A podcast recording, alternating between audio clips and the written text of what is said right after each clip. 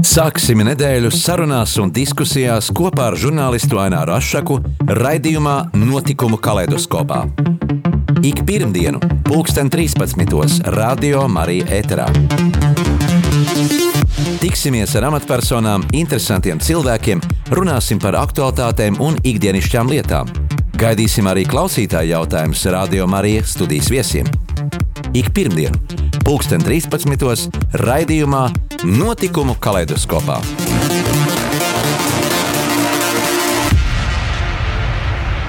Esiet sveicināti radio klausītāji. Ik gadu aizvedot aizējošo gadu, mēs uh, izvērtējam, kas paveikts un padarīts esošā gada laikā. Reizēm ikdienas steigā daudz kas paliek arī nepamanīts, un tā šoreiz mūsu studijā saruna būs ar viesītes mūzikas un mākslas skolas mūzikas skolotāju Mariku Cielavu, kura bērnus izglīto motivē apgūt klavieru spēli.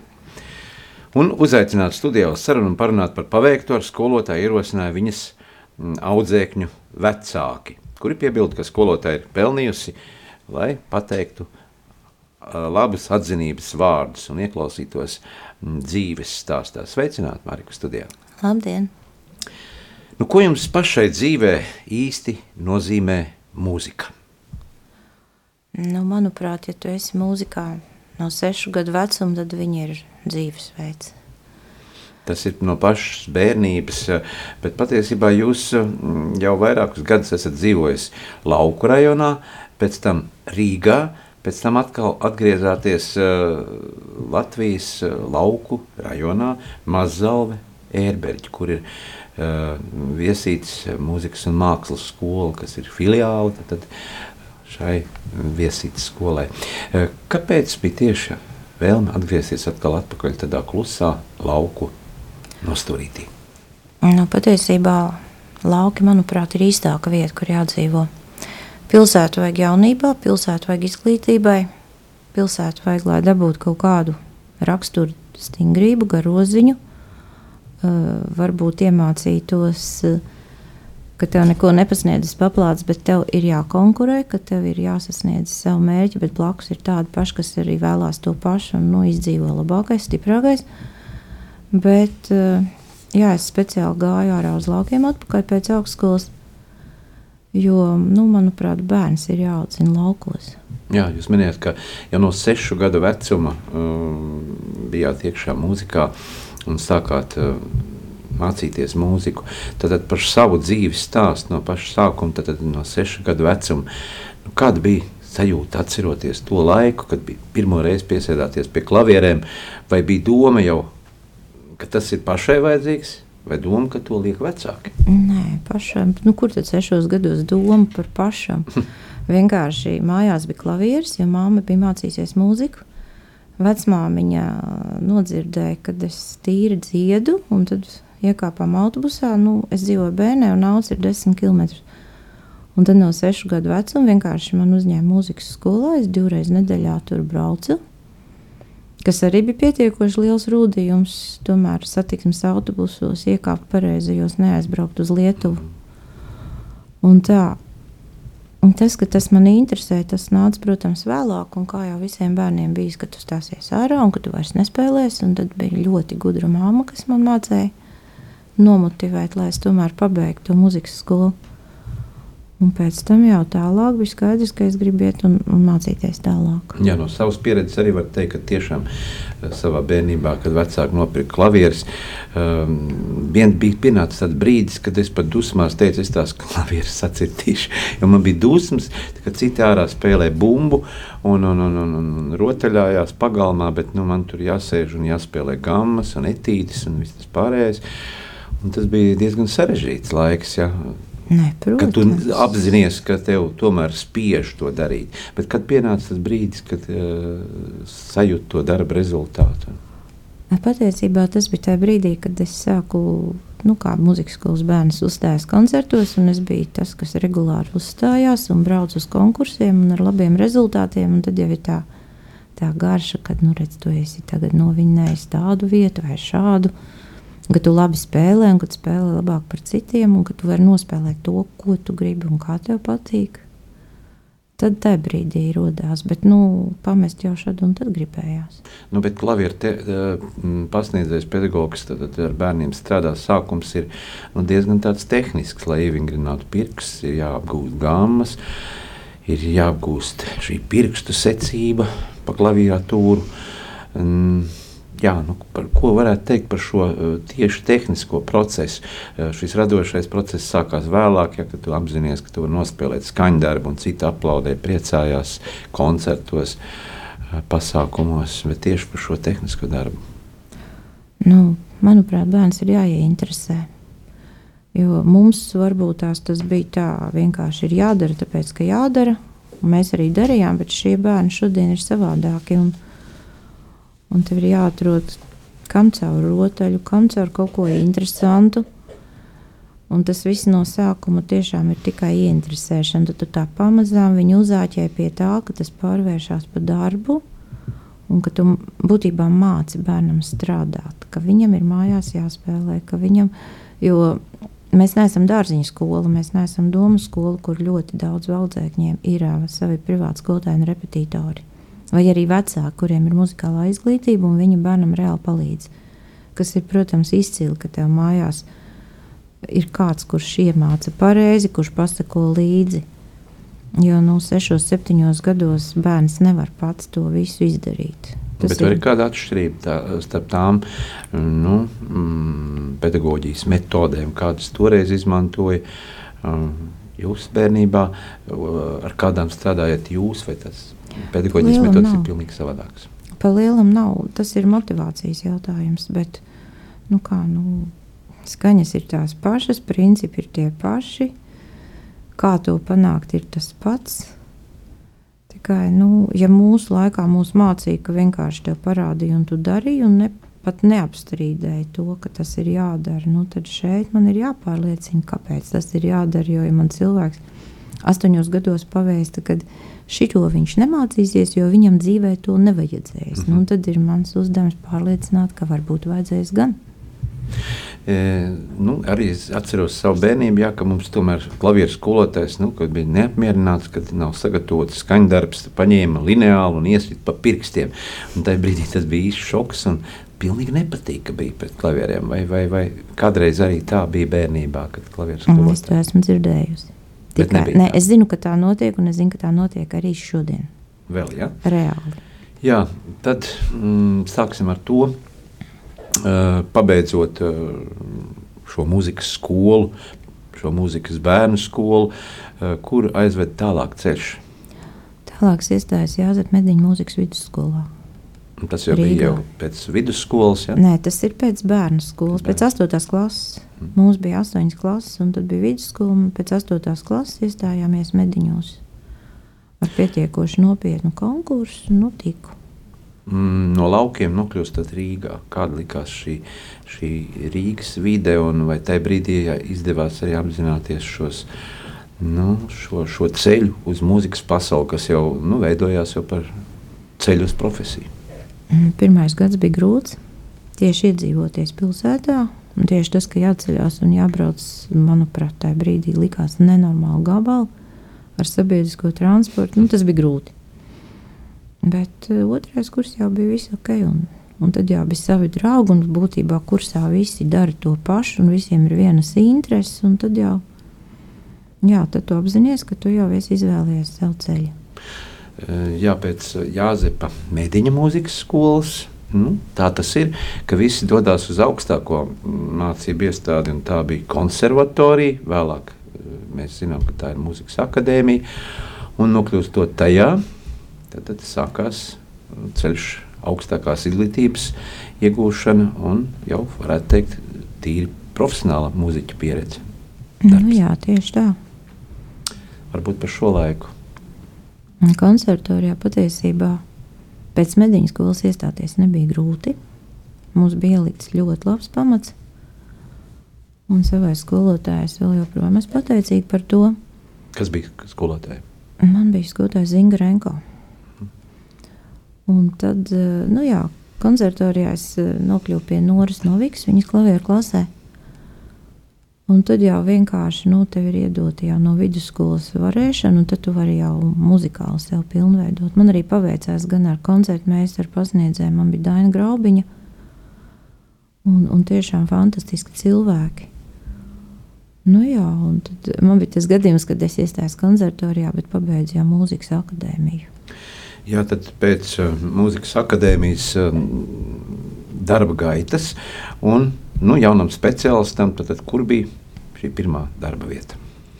Pirmā darba vieta man bija atpakaļ mana pašas bērnu mūzikas skola audzē. Kāda bija sajūta tur, kur uh, pati izgājāt uh, visu šo bērnības apmācību, sākat strādāt par, par pedagogu skolotāju? Nē, nu, Patiesībā interesanti, nekāda vaina. Direktori man bija tā pati, kur man sešos gados uzņēma muzikas skolā. Tāpat man arī bija pirmā direktora darbā. Nebija tāds, nu, vispār bija tāds respekts pret viņu kā pret direktoriem, pret kolēģi. Patiesībā man Nebija nekad nav bijis respekts vai bailes, jo droši vien es tā kā cilvēku novērtēju, varbūt bišķi savādāk. Nē, protams, direktors ir direktors, bet, nu, hmm nebija nevainas un kaut kādu pirmo tādu darbu audzināšanu viņi mums ielika tik pamatīgu, kad uh, es zinu no kolēģiem, ja visi, kas aiziet, varbūt vēlāk kaut kur citur strādāt, saka, ka nu ir ielikts tāds pamats visā tajā skol, skolotāja dzīvē, kad visur pēc tam strādāt ir viegli. Tad cik gadi tika aizvadīti šajā auces skolā darbojoties? Nu, manuprāt, 22, 23, 25, nē, tur pietrūka bišķīt. Mm -hmm. Un pēc tam tālāk? Pēc tam uznāca krīze. 2009. gada viss ļoti sašūpojās, un es izlēmu, ka eh, nu, vienkārši Rīga ir izcinājums. Meklēt jaunu kaut kādu ceļu, jaunas iespējas. Jā, atšķirībā no no šīs uh, lauku vidas, nokļūstat Rīgā. Nu, vai ir iespēja salīdzināt šos bērnus un šo bērnu um, spējas, talantus kaut kā? Nu, patiesībā ir grūti pat salīdzināt bērnus pirms 20 gadiem un tagad. Vienalga, vai tie ir Rīgā vai laukos, bet lauku bērns ir īstāks, lauku bērns ir patiesāks. Patiesāks, viņš ir redzīgāks ja Rīgas bērnam man ir jāstāsta, nu, mūzikā, veidojot jau kaut kādu mūzikas tēlu par, par to, ka varbūt ir mīkla vai, vai, vai mēnesnīca, vai nu, ko nu mēs tur saskatām, tad man ir bieži vien jāstāsta, kas tas ir mīkla, kas tas ir rasa. Tādas lietas lauku bērni to visu zina un sajūt, un ar viņiem tādā ziņā var daudz brīvāk strādāt. Jā, rīznieki ir nu, moderni sakot, avansētāki, jo rīzniekam ir tas perspektīvā bērna, tā teikt, čemodāniņš, kā mēs smejamies. Tur no mazām dienām ir, protams, papildus angļu valoda. Viņiem no mazām dienām ir sports, basēns, vēlams balets meitenēm vai dejas, vokālā studija un pa vidu vēl arī mūzikas skola. Un, jā, un tur vēl ir keramikas, nu kas nekas, glaznošanas, zīmēšanas, teātra pulciņi Jo vecāks uzskata, ka nu, viņam ir jābūt piepildītai šai darba dienai, un tad pēc stundām taču galu galā tev ir laiks, tu vēl vari to, to, šito. Nu, man jau šķiet, ka viena no problēmām ir šie uh, mobilie telefoni, skārienu jūtīgie, kuri visi šie sociālie tīkli, kas arī aizņem zināmu laiku, bet tā nu, uh, cilvēka personības veidošanā ir nu, tāda mazliet degradācija, teksim, nodarbojoties tikai ar, ar attiecīgām sociālām platformām. Jā, kā jūs atraujat, motivējat, eh, nolikt šo telefonu skārienu jūtīgo, lai tas nu, nebūtu tāds instruments, kas, kas atņem daļu dienas laika, tajā brīdī, kad vajadzētu varbūt trenēties. Nu, patiesībā pirmais jau jāmotivē ir vecākam un neiedot viņam viņu rokās. Mm. Un, manuprāt, skolā es īsti neredzu iemeslu, kāpēc vispār ir vajadzīgs mazo klašu bērnam telefons. Arī pilsētā viņu atved, vecāki līdz skolai ielaiž skolā, un pēc tam pie vārtiņiem viņu paņem. Viņš ar sabiedrisko nebrauc. Laugos reāli ir tieši tas pats. Viņa skolas autobus pie skolas izlaiž, pēc tam viņš iekāpj. Ja ir kaut kāda situācija, priekš tam ir skolotāji ar saviem telefoniem, ir vecāku kontakti. Es tiešām neredzu vajadzību mazam bērnam pēc mobilā telefona ikdienā, un es zinu skolas, kur telefons reāli ir noliegts. Viņi to ir panākuši. Arī starpbrīžos, ja?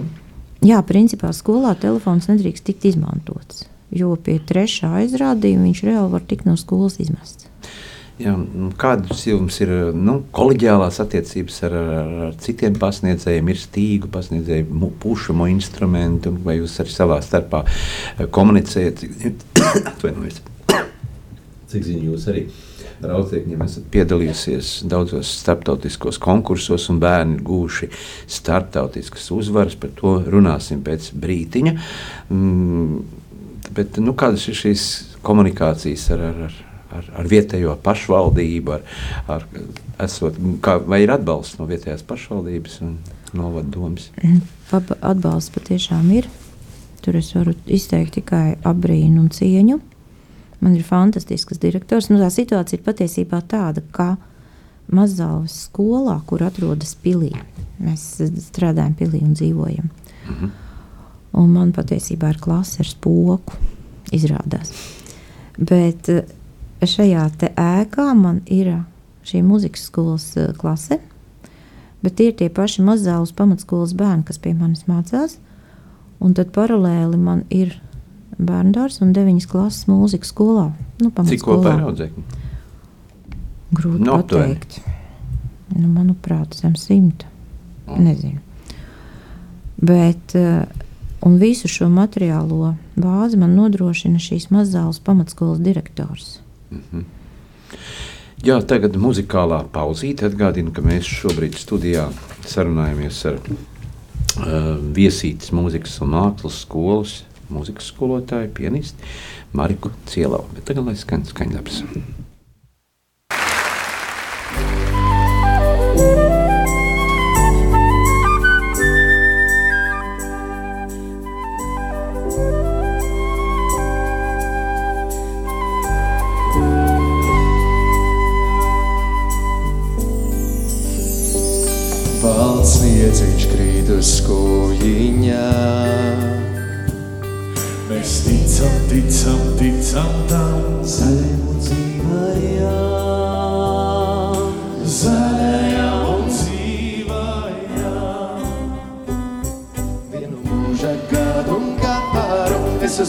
Zāra kāru Lai tas mūžam stārot klusi Arī sirds, kad pieklusūsi Vienu mūža gadu un es uz egles zāra kāru, lai tas mūžam stārot klusi, arī sirds, kad pieklususi.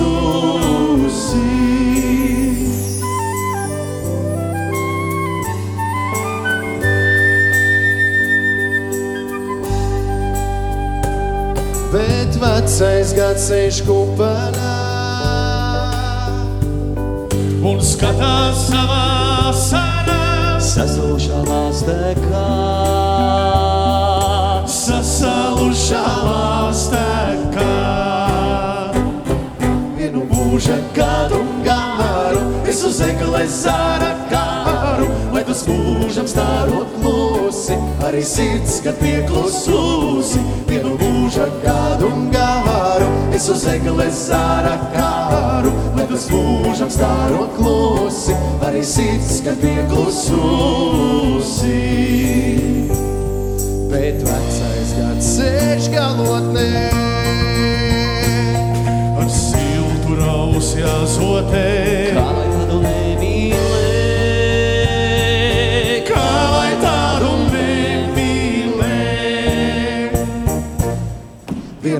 Vienu mūža gadu garu, es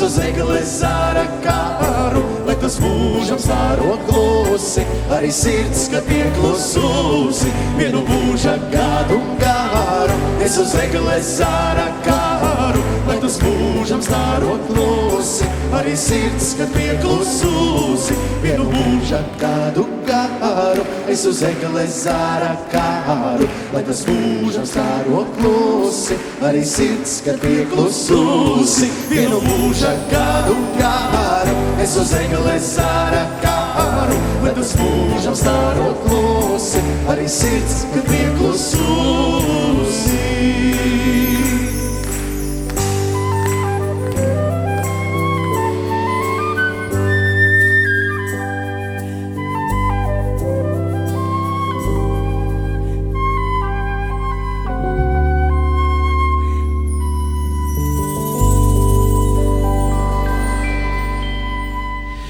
Turpinām sarunu Radio Marija Latvija ēterā ar mūsu šīsdienas viesi, ar lauku rajonu, varētu teikt, viesītes mūzikas un mākslas skolas, mūzikas skolotāju, pianistu Mariku Cielu.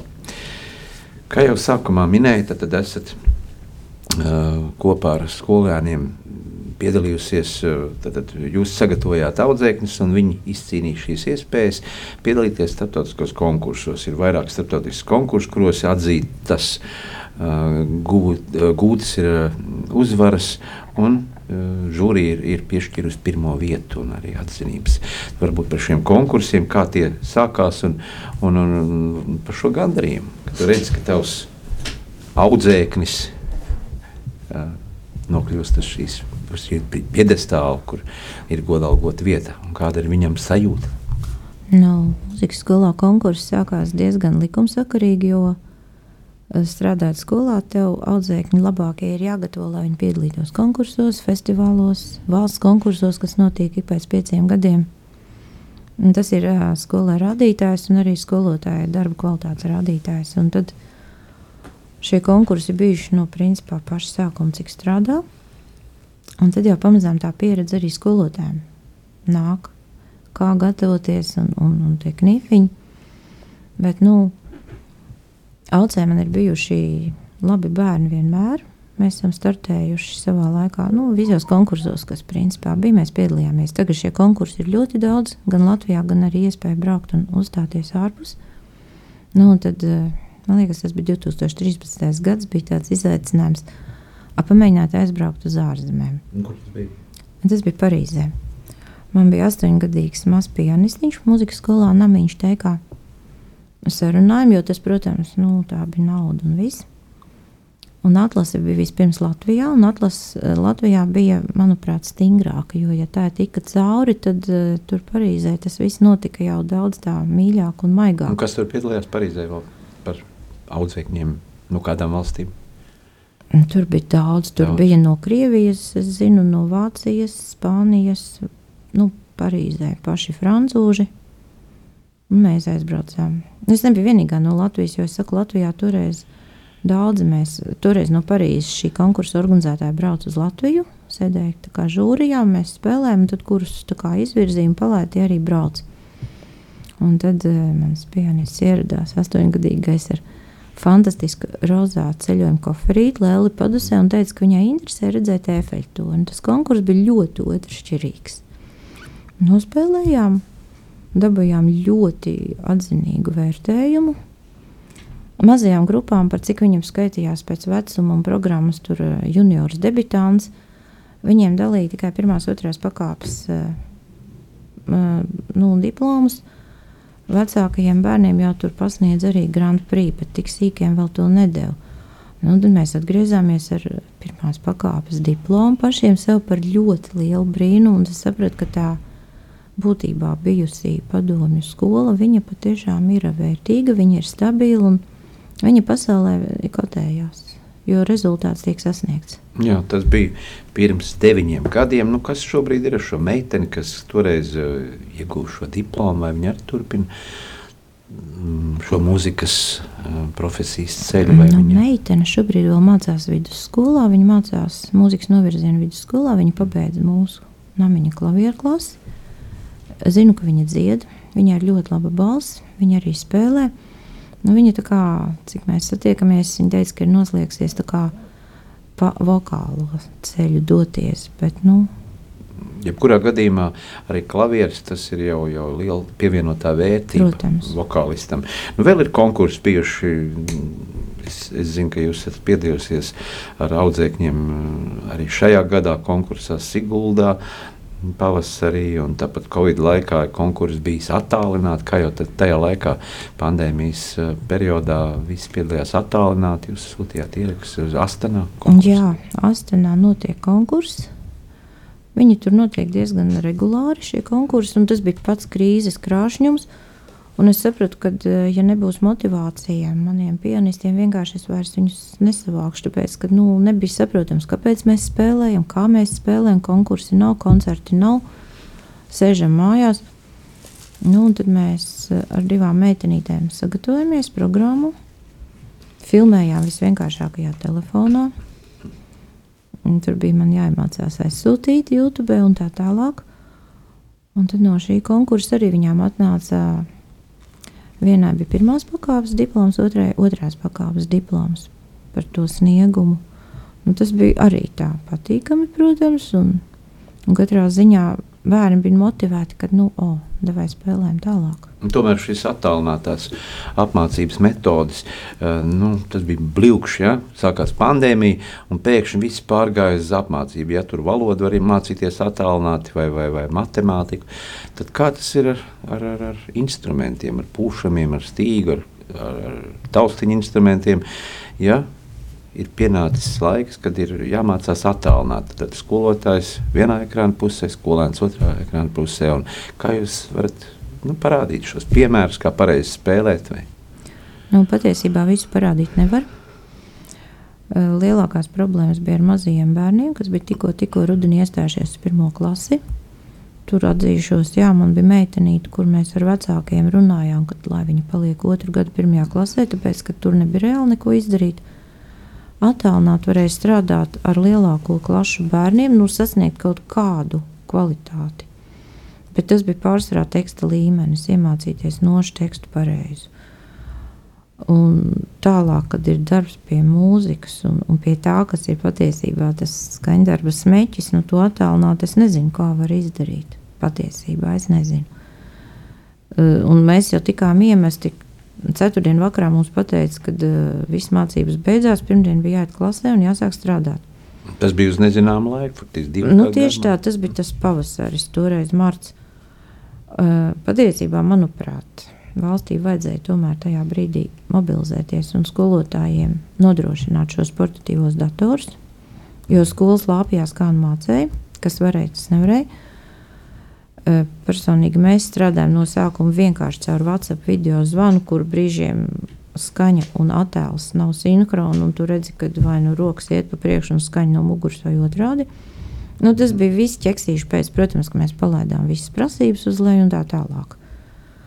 Tad jau, kad rudenī otrais tas atkārtojās, mēs jau bijām tā kā bišķītiņi aptvēruši, kā to darīt, un, un situācija bija skaidrāka, bet, nu, Patiesībā tie divi gadi ir ļoti liels zaudējums, un sevišķi bērniem, kuri, ja runājam par mūzikas skolu, viņi nav uzstājušies divus gadus. Un tad iziet uz skatuves ir ļoti sarežģīti, un tad ir, nu, tad ir baigi jāpiestrādā pie tā. Mm -hmm. Nošu gammā ir, ir, ir tātad cik notis? Septiņas. Septiņas notis, Septiņas. Jā. Jā, septiņas notis, un katra no tām ir ar savu krāsainību, ar savu raksturu. Nu, kāda jums ir mīļākā? Skaņu nots. Tas ir ļoti atkarīgs no vai noskaņojuma. Ma mažors, minors vai, vai? Droši vien, ka mībemol mažors. Mībemol mažors. Un, un, un, Tajā ir visērtāk dziedāt. Tajā ērtāk dziedāt ir, eh, un, un kur ir krāsainākās notis? Nu, patiesībā notīm jā, ir savas krāsas. Es arī bērnus uz to mazliet testēju, kādu tu krāsiņu redzi. Uh, Un tad šīs krāsas mainās atkarībā no skaņdarba, protams. Bet jā, ir citas krāsas, kurām vienkārši tu zini, ka tā ir tāda un tāda krāsa, bet tas, protams, tikai mana krāsa izpratne. Citiem ir citas krāsas. Tad nocis var, var sajust pēc krāsām, redzēt pēc krāsām. Noteikti. Krāsu Noteikti. pasauli, krāsu gama. Ja? Nu, šajā krāsu gammā Uh, veidojot mūziku, tad, ko, ko mēs sajūtam, arī dažādas pārdzīvojumus vai, vai vai prieku, bēdas. Nu, jā, jau mūzika jau patiesībā ir jūtas, ko tu izsaki, tavas emocijas un jūtas. Uh, rīti, vakari, kad jums ir šīs stundas, vairāk uh, mūzikas stundas? Uh, darbā. Darbā. Mūzikas skola sākas pēc parastās skolas. Ap vieniem, diviem. Un bērniem mūzikas skolā bez eh, šī speciālā priekšmeta, kas ir klavieris, vai ir arī padziļināta nu, apmācība citos priekšmetos, teorijā, nu, mūzikas Protams. literatūrā. Jā, jā, jā, viņiem ir mūzikas mācība līdz 4. klasē, no 5. tas saucās solfeģā. Ir mūzikas literatūra, teorija, kolektīvā muzicēšana. Mm -hmm. Mēs visu arī darām. Jā. Uh, mums ir arī, es sapratu, ka mums ir studijā zvans. Mums ir halo, vai jūs mums dzirdat? Jā, dzirdu. Labdien, mēs esam sazvanījuši arī, arī viesītas mūzikas un mākslas skolas direktoru Ingu Bartkeviču.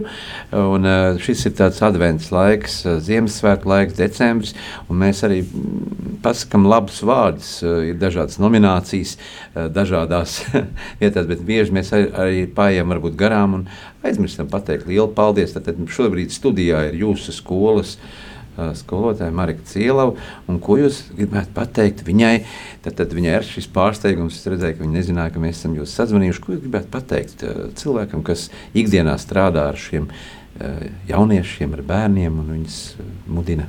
Mācīties mūziku. Es gribētu Marikai pateikt lielu sirsnīgu paldies par viņas to darbiņu, par viņas šo uzdrīkstēšanos, tomēr pārcelties no Rīgas uz, uz laukiem un, un veikt šo lielisko kolosālo darbu, gatavojot audzēkņus gan ikdienas nodarbībās, gan, gan arī konkursos, koncertiem. Man ļoti patīk, kā Marika parasti izveido koncertus, savus klases pasākumus.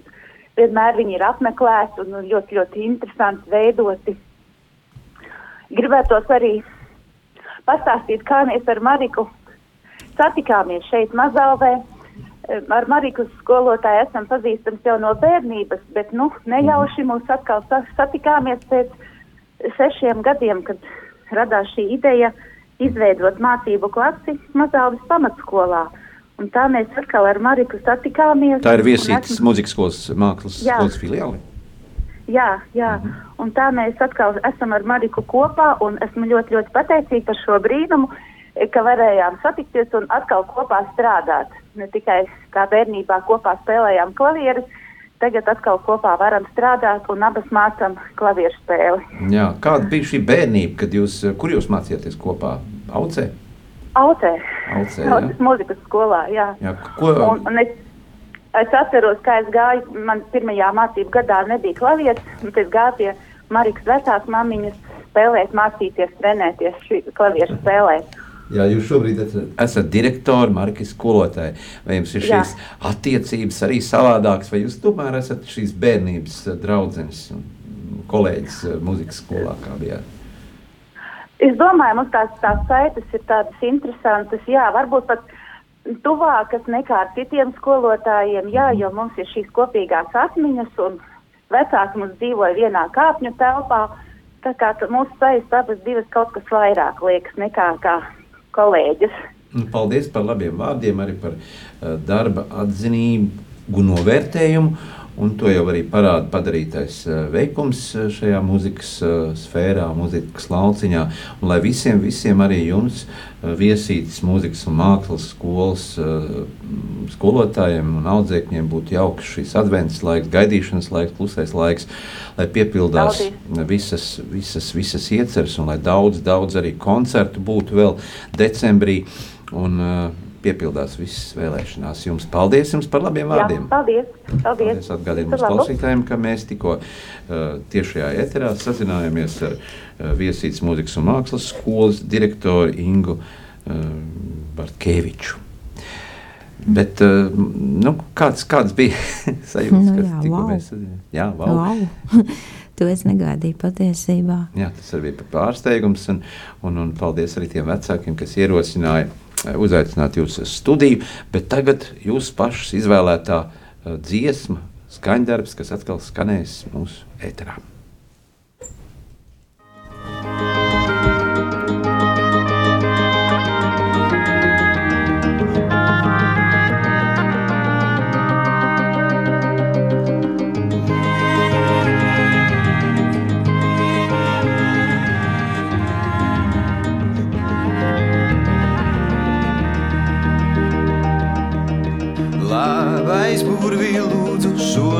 Ciemos nāc.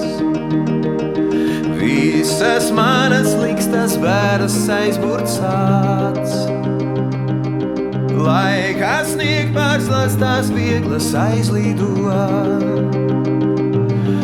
Un šo pasauli kā dziesmā apmīļot. Labais burvītu par mani šonakt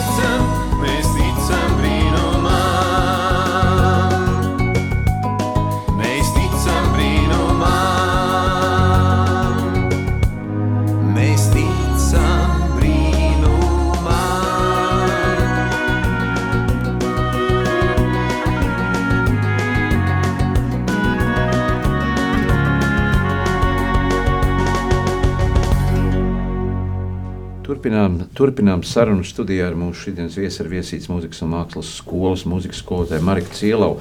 Tikko mēs arī dzirdējām mm, viņas direktoru no viesītas, bet tik, eh, sarunājoties uh, mūzikas pārtraukumā, uh, es sapratu arī, ka liels atbalsts ir no vietējās um, domes, no, no tās vietas, kur jūs uh, darbojaties šobrīd. Tā ir ērberģe, Mazalve, uh, arī mazs novads ar uh, daudz, daudz arī cilvēkiem, tomēr, kas ir, un ir izrādās, tur ir daudz arī bērni, kas mācās, un neapšaubām uh, svarīga lieta, vai vietējā vara atbalsta sportu, kultūru, mūziku, gleznošanu šajā gadījumā. Mūzika ir atbalsts. Gribētu kaut ko piebilst.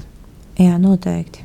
Vispirms es tiešām gribu pateikt paldies, lielu paldies direktoram, jo bez viņa Kā atbalsta, Aivars Miezītis, bez viņa atbalsta šīs skolas mums nebūtu, jo tad, kad es tur pirms sešiem gadiem uzrados pilnīgi nezināms cilvēks, viņš vienkārši pateica, summa ir tāda un tāda, brauc un meklē klavierus. Viņš man ir uzticējies visus šos gadus, viņš man ir ļoti, ļoti atbalstījis. Un Kāds klavieris jūs nopirkat? Pionīnu, protams, Nevis līdz flīģelim mēs. bet- Nē, nē, īsts. Klavierēm ir jābūt īstām, ja gribas mācīties mūziku. Pat ja viņas ir lietotas, tas ir īsts instruments. Nu, lūk, un patiesībā šajā vietā ir fantastiski gaiši cilvēki, visi. Tas kodols ir apbrīnojami gaiši, radoši, jaudīgi.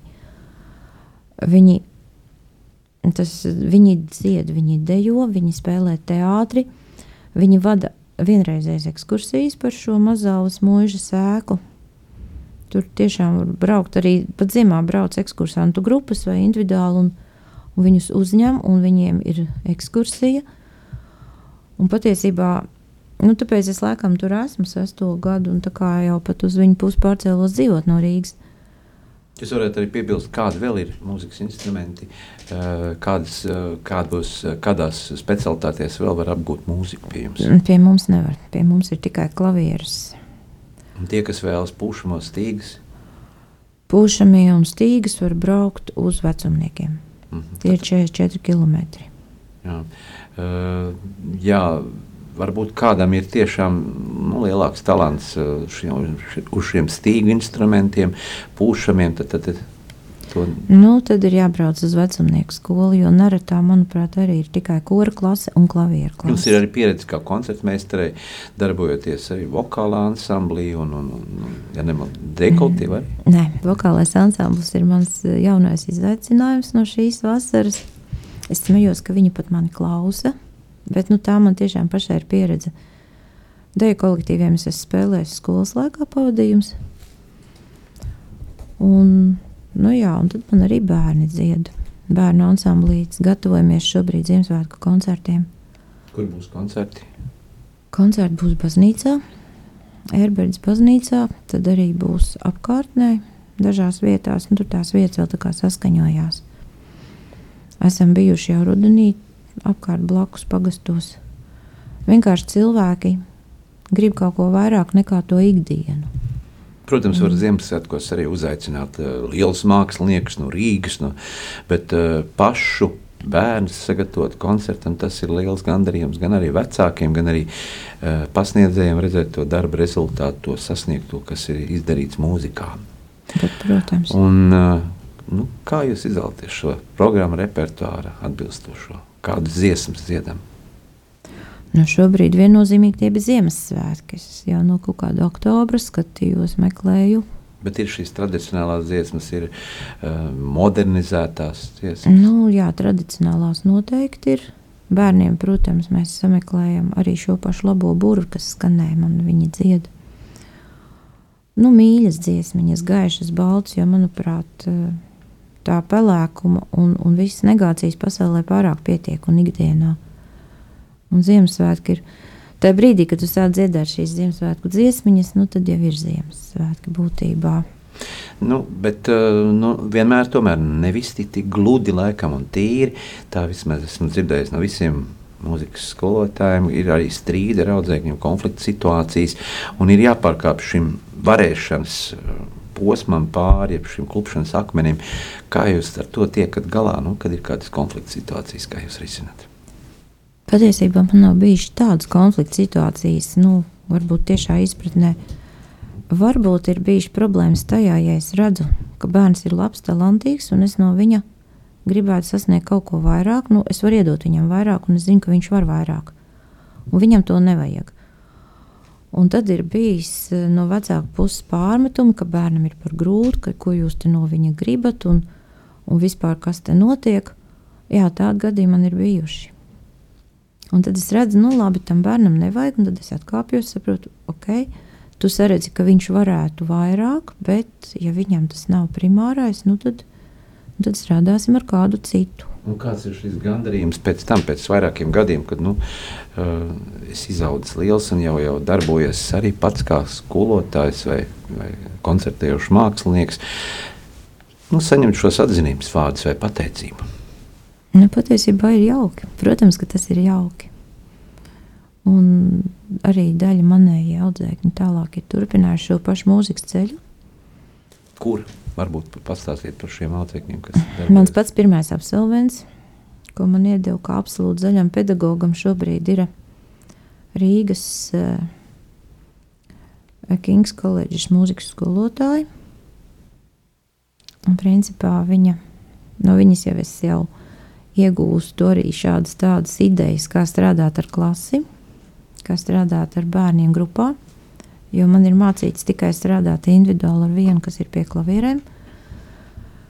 Man ir, man ir viens, kuram ir ierakstu studija, pie kā es esmu griezusies. Šādi tad palūgt, ka man vajag fonogrammas kādreiz. Nu, patiesībā viņi spēlē. Viņa dzied, viņa spēlē, manuprāt, lielākais gandrījums ir tas, ka viņi arī pēc muzikas skolas beigšanas, pat ja viņš neaizies šo profesionālo ceļu, ja viņš spēlē klavierus. Mums ir laikam atkal zvans studijā. Tā īsti nesaprotu no studijas. Uh, uh, jā, uh, ir dzirdējis, tātad, kas būtu mums jāmaina? Ir, mums ir viens sveiciens studijā. Ah, studijā jā, jā, mums ir viens sveiciens studijā un kolēģis sveicina. Kolēģis sveiciens. Anita, Anita sveicina un saka tā, ka mm -hmm. liels paldies un Un ir liels pārsteigums dzirdēt kolēģi rādījumu arī ēterā, tik skaisti dzirdēt par Latvijas bagātību, apbrīnojam talantīgiem cilvēkiem. Paldies, lai Dievs Anita, palīdz un ja? svētī. Droši vien, ka Anita. jūs zināt, no kurienes tā ir. Es varu iedomāties. Varat iedomāties, jā. jā? Var iedomāties. Nu, Paldies, nu, redz, patīkam arī, ka kad ir uh, tas laiks tāds, kad mēs varam pateikt paldies un ar labiem vārdiem. Uh, varbūt kas būtu jāmaina skola apmācībās, lai paaugstinātu izglītības kvalitāti, arī tas ir kādreiz Nu, tāds svarīgs jautājums. Bija e, pirms vairākiem gadiem bija sporta skolas, interešu izglītība bijusi tāda izjukšanas e, robeža un teica, ka vairāk naudas valsts nepiešķirs. Un, uh, tas bija tāds izmisuma laiks. Faktiski Latvija ir unikāla ar to, ka mums ir šīs muzikas skolas un šīs izglītība intereses. Uh, mācību metodes, jo izrādās, ka Francijā un citur nemaz tā nav. Nē, nu, citur mūzikas izglītība ir elitāra izglītība, kuru cilvēki iegūst par ļoti lielu naudu. Man pašai kursa biedrene, kur pārcēlās pēc mūzikas akadēmijas uz Vāciju, viņai ģimenē ir vairāk bērnu, visi talantīgi, un kā viņa teica, viņa šo profesionālo izglītību var dot tikai vienai meitai, kur ir violniece. Viņa saka, mm -hmm. pārējiem mums naudas nav. Šeit mums ir patiesībā sistēma, kur nevajadzēja nograut. Un 2009. gadā, kad bija tā krīze, tas patiesībā bija uz iznīcības sliekšņa šī visa muzikas skolas sistēma. Paldies Dievam, ka viņi noturēja. Toreizējais kultūras ministrs Inns Dālders atrada līdzekļus, lai vienkārši tās skolas neaizklapētu ciet. Bet, uh, manuprāt, šobrīd jau netik daudz jautājums vairs ir par naudu, cik par skolotāju prestižu.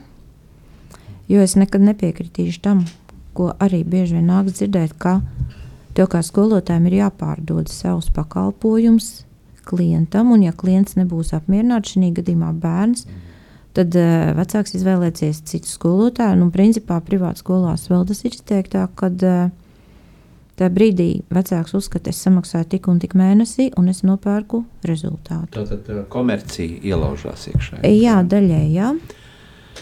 Tas ir viens, cieņa pret skolotāju ir otrs. Mhm. Vienkārši. Es nedomāju, ka man ir jāciena tieši tāpēc, ka es esmu skolotāja, bet manuprāt, cieņa pret pieaugušu cilvēku kā tādu ir pazudusi. Mhm.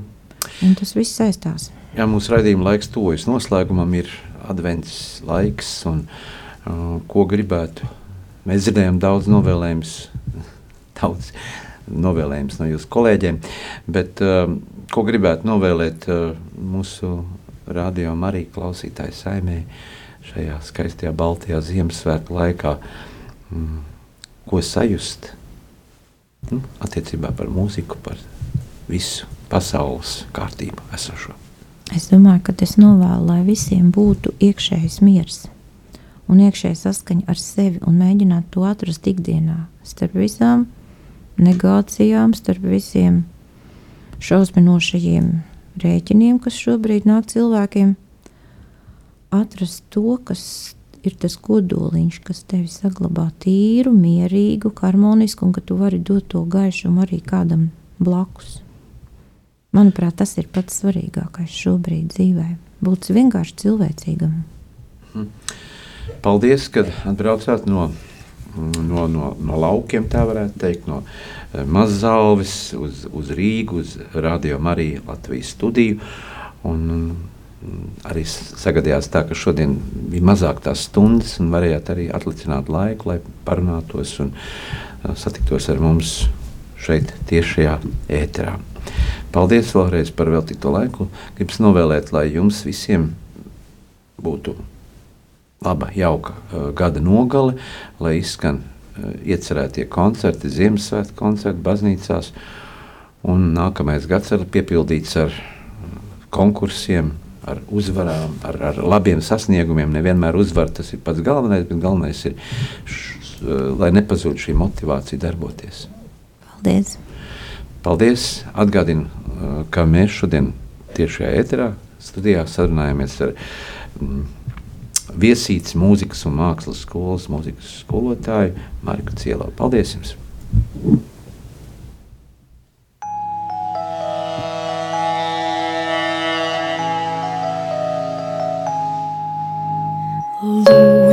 Dievu, lūdzu laimi,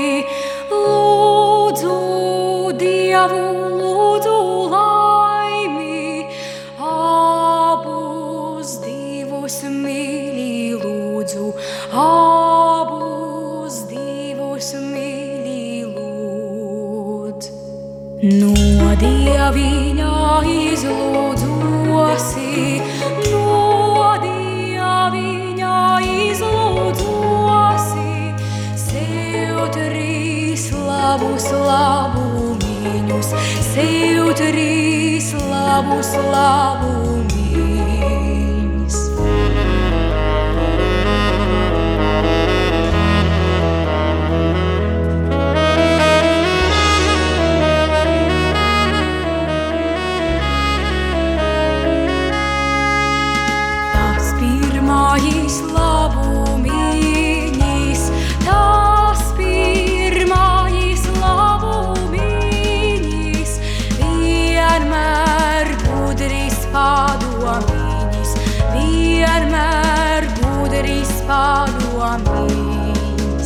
Tas otrais